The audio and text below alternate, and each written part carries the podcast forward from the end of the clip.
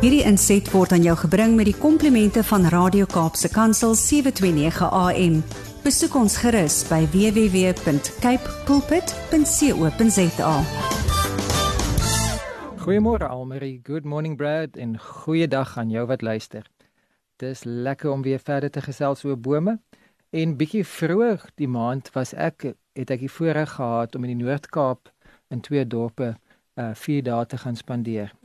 Uh daar is 'n nie regeringsorganisasie wat my kontrakteer om so 'n paar keer per jaar met um, um, plattelandse manne so 'n bietjie tyd te spandeer en net te hoor hoe kan ons meer betrokke wees by ons gesinne met by ons kinders en hoe kan ons meer die rol van pa meer ernstig opneem. Uh daar is 'n komponent waar ek 'n lesing aanbied of waar ek bietjie materiaal met hulle deel waar ek vir hulle probeer inspireer en vir hulle bietjie inligting gee. Maar die meer waardevolle deel van ons tyd saam is wanneer ons in 'n in 'n sirkel sit 12, 15, 20 manne bymekaar en op gelykgrond almal as um ewe waardig en ewe kundig met mekaar deel wat is ons ervarings as paas? Wat is ons ervarings van om om uh, betrokke te wees by kinders en by jou eie kinders 'n verskil te maak? En uh, daardie manne van hulle isikosa van hulle brein uh, van hulle uh, jonger as ek, meeste van hulle jonger as ek, van hulle so bietjie my senior uh het so 'n verskeidenheid van ervaring en het so 'n verskeidenheid van uh, lewenswysheid dat ek altyd ryker daar wegkom. Nou uh in my, in my mees onlangse besoek in die Noord-Kaap was ek in 'n baie klein plattelandse dorpie waar daar eintlik maar min industrie is.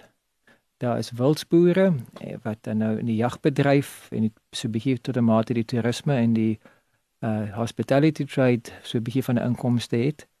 Maar daar is ook besproeiingsboere en dan is daar 'n 'n hele klomp um sitrusboorde waar die lemoenbome so mooi keerts reg op in reguit rye geplant is en uh, waar die lemoene dan nou een keer 'n jaar daardie oranje helder ronde uh, lieflike soet vrug van hulle lewer.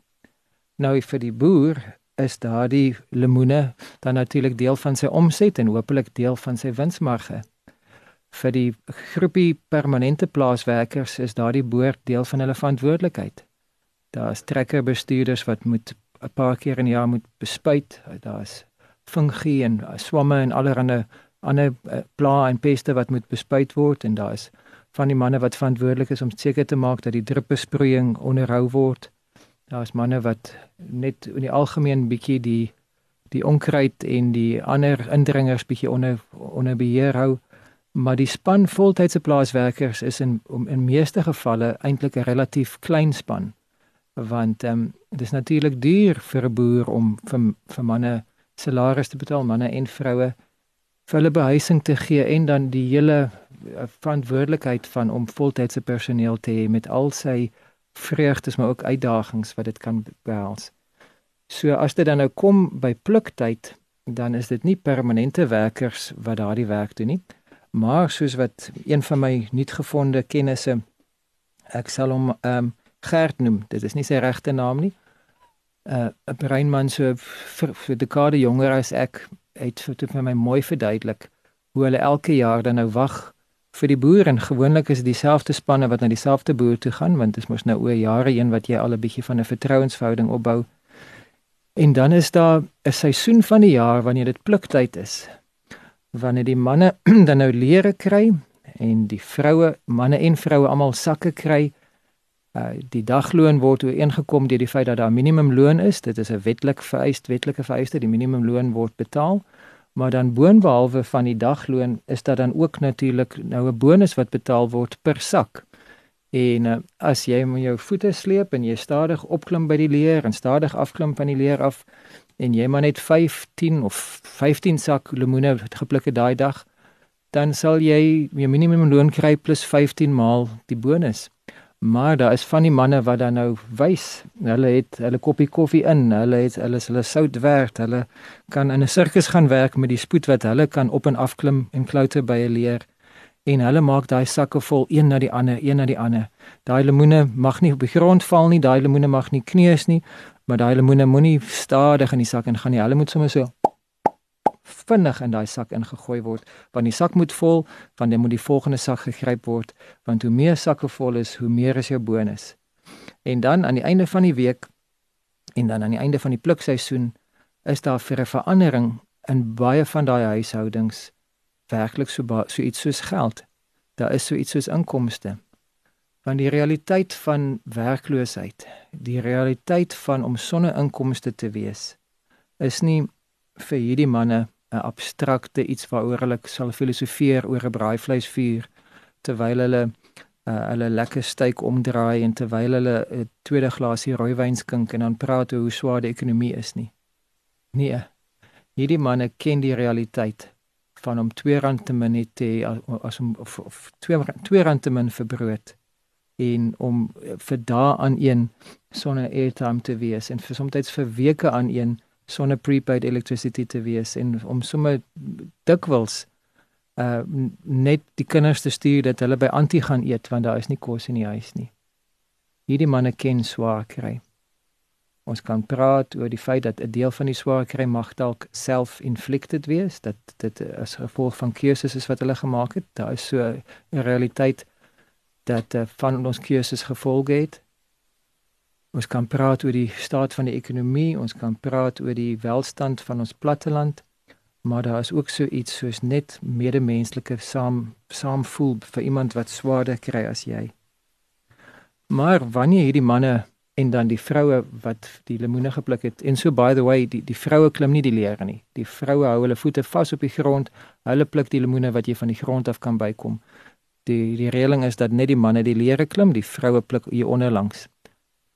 Nou wanneer die manne en vroue dan nou betaal is en die geld is uitbetaal en um, dan sal die dikwels dan sal die boer dikwels vervoer reël en dan gaan hulle dorp toe en dan kan daar by die uh, uh, supermark kan daar brood en meel en babadoeke en wat ook al nog nodig is gekoop word. En dan soos wat dit maar nou maar die menslike natuur is en wat die realiteit wêreldwyd is en ook veral in Suid-Afrika in die platteland is, word die bottelstoer dan nou sterk ondersteun. 16 rand uit elke 100 wat verdien word gemiddeld in ons land word aan alkohol spandeer.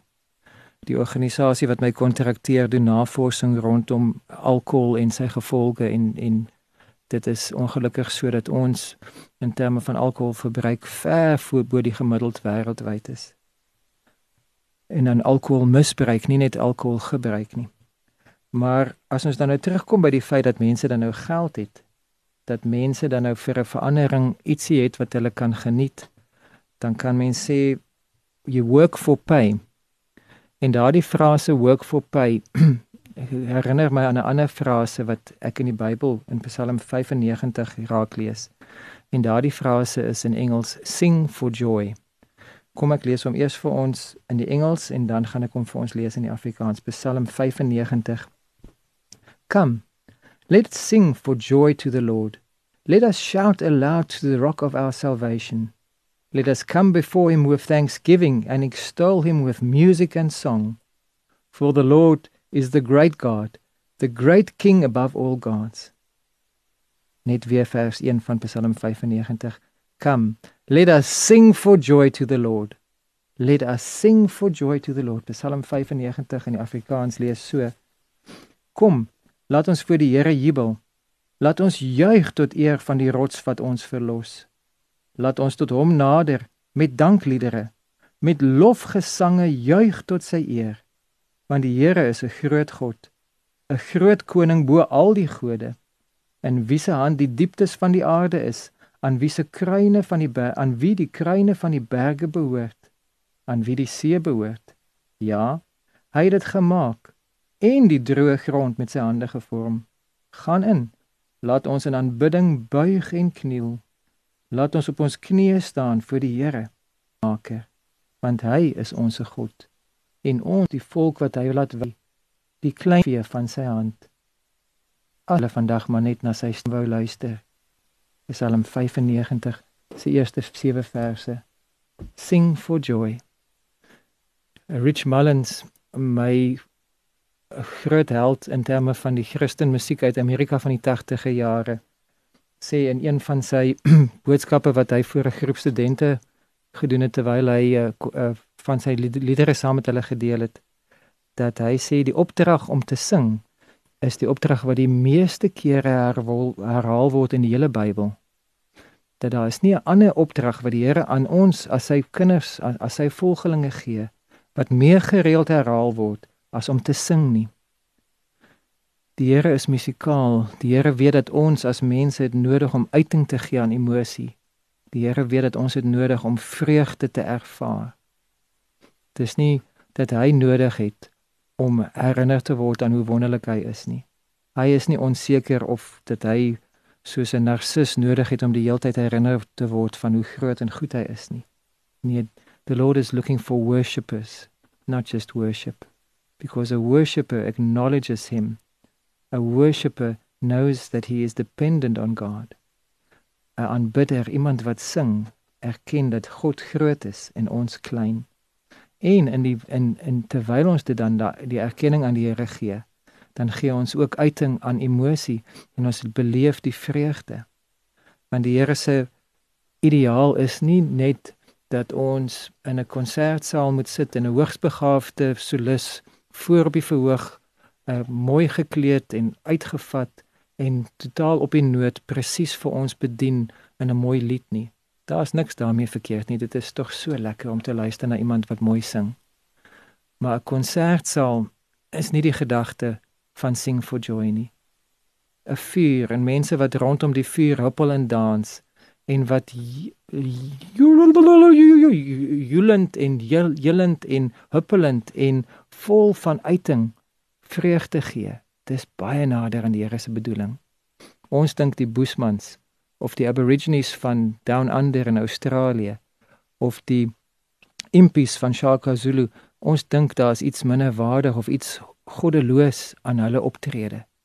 Maar daar is iets van samesang, iets van gedeelde vreugde, iets van saam sweet terwyl ek bly is wat uiting gee aan die Here se hart wat ons nie sal beleef as ons in 'n kerkbank stil en stemmig met 'n durf ek dit sê 'n heilige hartlywigheid.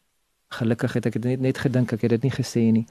Maar as ons by 'n stilte kerk maar net vroom en baie preuts maar net sê ek sal positiewe gedagtes dink terwyl ek uh, die melodie saam neurie. Dis nie die gedagte wat die Here het nie. Die Here het die gedagte van dat ons uiting gee aan vreugde, dit saam beleef, saam sweet terwyl ons lag en glimlag en dan vreugde beleef. Net soos wat lemoene halftyd by 'n rugbywedstryd op 'n laerskool veld groot verligting bring aan die manne se dors. Die buksies wat hard geskrim het se dors word verlig deur die lemoene. Die lemoene wat gepluk is deur deur my vriend Gert daar in die Noord-Kaap. Net so uh, wil die Here ons dors les. Ons wat as 'n samelewing semi-depressief is en in 'n langtermyn faaltes beleef. Die Here wil vir ons uitlig uit daai depressie. Nie met chemiese substansies nie. Nie met kits antwoorde nie maar dat ons terugkeer na die essensie van die woord en terugkeer na die beginsels wat die Here het. Sing for joy. Saam glag, saam sweet, saam huppel. Daar's 'n vryheid, 'n losmakendheid daarin om saam fees te vier voor die Here. Kom ons bid saam. Here, ek ken stemmigheid. Ek was al by kerkkonserte en kerkuitvoerings van mooi klassieke sang en dit het vir my vreugde gegee intellektueel en my gestimuleer in terme van die musikale waarde daarvan. En ek was al by lekker partytjies waar iemand 21 geword het of waar dit nuwe jaar was of wat almal bly was oor die nuwe byvoeging tot die gesin. En Here, ek weet dat U is 'n God wat hou van partytjie hou. Die woord joy is nie vir u ak akademiese begrip nie. Vreugde is nie net 'n mooi ehm um, eienskap uh, wat ons neerskryf op 'n kanselkleed nie. Vreugde is 'n opwellende emosie wat ons harte volmaak wanneer dit swaar gaan rondom ons. Ek bid dat ons wat weet wat dit beteken is to work for pay ook sal leer wat dit beteken to sing for joy. En dat die volgende keer as ek 'n mooi ryp lemoen sien, dat die vrugteboom vir my sal herinner aan die vrugteplukkers, maar ook aan die vreugdeplukkers, die wat gehoorsaam is aan u beginsels, die wat u op u woord neem en die wat u woord uitleef, to sing for joy. Dankie koning Jesus. Amen. Hierdie inset was aan jou gebring met die komplimente van Radio Kaapse Kansel 729 AM. Besoek ons gerus by www.cape pulpit.co.za.